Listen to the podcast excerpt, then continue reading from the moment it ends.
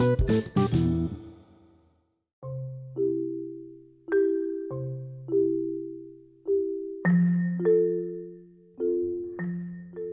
pernah nggak dengar lagu ini? Darah muda, darahnya para remaja. Pasti ya teman-teman tahu lagu ini karena dari lagu ini kita tahu kalau darah remaja ini memang darah yang penuh semangat juang gitu. Nah, buat teman-teman yang sekarang masih remaja atau sudah melewati fase remaja pasti tahu lah ya gimana rasanya menjadi remaja. Oh iya, kita cek dulu. Remaja itu sebenarnya umur berapa sih? Kita pasti banyak yang mikir remaja itu paling ya umuran anak SMP atau anak SMA atau anak mahasiswa yang awal-awal semester gitu ya. Tapi ternyata menurut WHO, rentang umur remaja itu adalah dari umur 12 tahun hingga 24 tahun. Nah, jadi buat teman-teman yang sekarang 23 tahun, 24 tahun, selamat. Anda sekarang masih remaja. nah, teman-teman yang sekarang sedang berada di fase remaja akhir, ingat gak sih gimana gejolak emosi yang berubah banget pas remaja awal atau pas remaja pertengahan?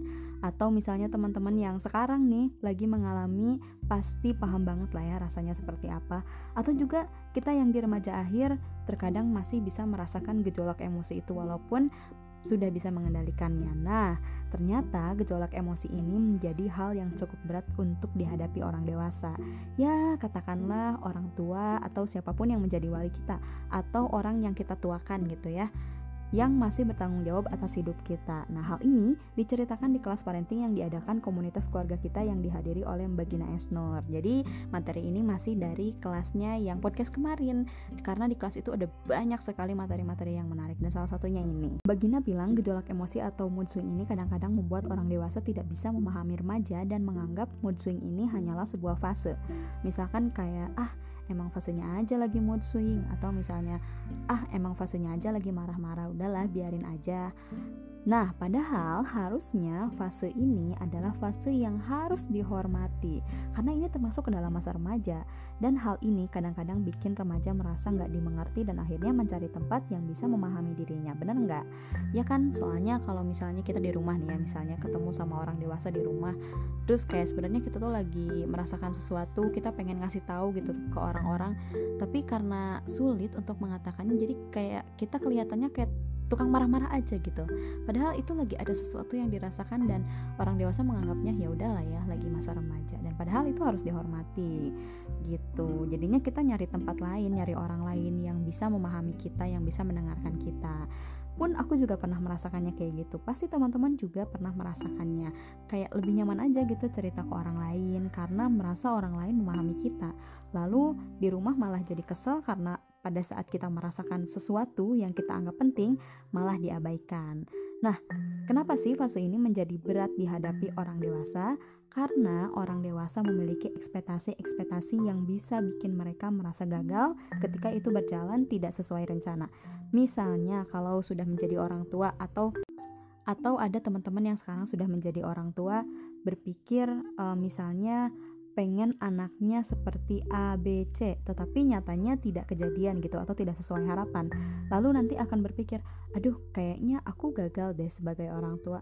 Aduh kayaknya gue tuh gagal deh ngedidik anak dan lain-lain sebagainya. Atau misalnya uh, kalau tadi dari sudut pandang orang tua, sekarang dari sudut pandang remajanya, misalkan mereka mikir, kenapa sih orang dewasa tuh nggak bisa ngertiin aku?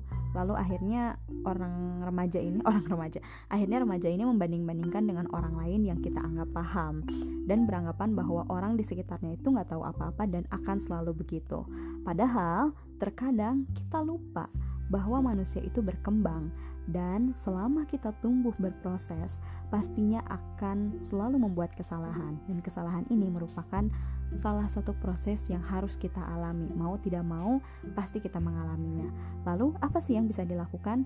Kuncinya adalah komunikasi jadi selain ada Mbak Gina, pada saat itu ada juga Mbak Dani. Mbak Dani ini sebagai moderator di kelas parenting dan beliau cerita seperti ini. Pernah suatu ketika beliau merasa malas berkomunikasi dengan anaknya karena kalau ngobrol pasti harus teriak-teriak, harus pakai emosi, ngomongnya harus keras. Akhirnya Mbak Dani jadi capek dan malas ngobrol sama anaknya. Tapi kemudian beliau sadar bahwa hal ini akan terus terjadi kalau tidak diperbaiki. Akhirnya Mbak Dani coba untuk berbicara dengan gaya yang berbeda. Nah, seperti apa? Beliau waktu itu mencoba untuk menurunkan egonya, menurunkan emosinya. Beliau tarik nafas, kemudian bertanya pelan-pelan pada anaknya.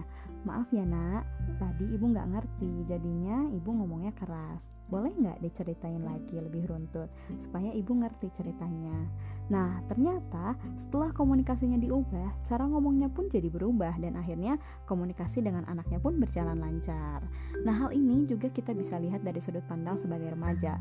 Bisa kita terapkan saat kita akan menyampaikan sesuatu bisa dilakukan dengan pelan-pelan dan damai. Seperti tadi ya, misalnya kalau kita lagi merasakan sesuatu terus mau cerita, "Mah, Pah, tadi aku di sekolah kayak gini deh. Tadi aku di kuliah kayak gini deh. Hari ini aku cari kerja kayak gini deh. Ih, tadi di tempat kerjaan aku kayak gini deh. Nah itu bisa dilakukan secara pelan-pelan secara damai dan nanti akhirnya malah jadi curhat yang nyaman banget kayak sama temen gitu kan teman-teman. Agar pesan yang ingin kita sampaikan juga bisa diterima dengan baik dan ada feedback yang kita dapatkan. Jadi nggak perlu keluar emosi Nah, bisa juga loh teman-teman ini diterapkan kalau misalnya mau komunikasi sama doi. Cie doi. Tapi kalau yang punya aja ya. Jadi nggak akan ada keluar kalimat kayak gini kamu tuh nggak pernah ya ngertiin aku. Terus nanti berakhir mellow yang ceweknya nangis di kamar sambil dengerin lagu galau. Terus yang cowoknya nyetir sambil nangis terus teriak-teriak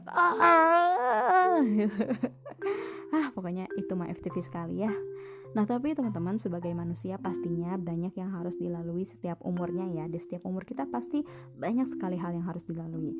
Untuk para remaja awal dan pertengahan, manfaatkan fase itu dengan sangat baik untuk benar-benar menemukan diri sendiri itu seperti apa. Dan bagi remaja akhir, fase yang sudah dilalui bisa menjadi refleksi akan dibawa ke mana diri kita. Sudah sejauh apa kita memanfaatkan fase darah muda ini? Jangan sampai ada penyesalan di akhir. Nah, kalau kata webtoon mah ya, Kau harus coba semua hal. Jangan sampai ada penyesalan dalam hidupmu. Waduh. itu aku ambil dari webtoonnya The Secret of Angel. Kalau teman-teman ada yang suka baca webtoon pasti tahu ya. Begitu. Nah, itu aja yang aku mau ceritain hari ini dan di next podcast aku juga mau ceritain materi lain atau hal lain yang masih dibahas dari kelasnya parenting keluarga kita karena di sana ada banyak sekali materi-materi menarik yang cocok untuk orang tua baru, untuk orang tua yang sudah lama, atau kita sebagai remaja yang menuju dewasa, atau anak-anak yang baru mau remaja. Ini cocok banget akan aku spill semuanya ya teman-teman.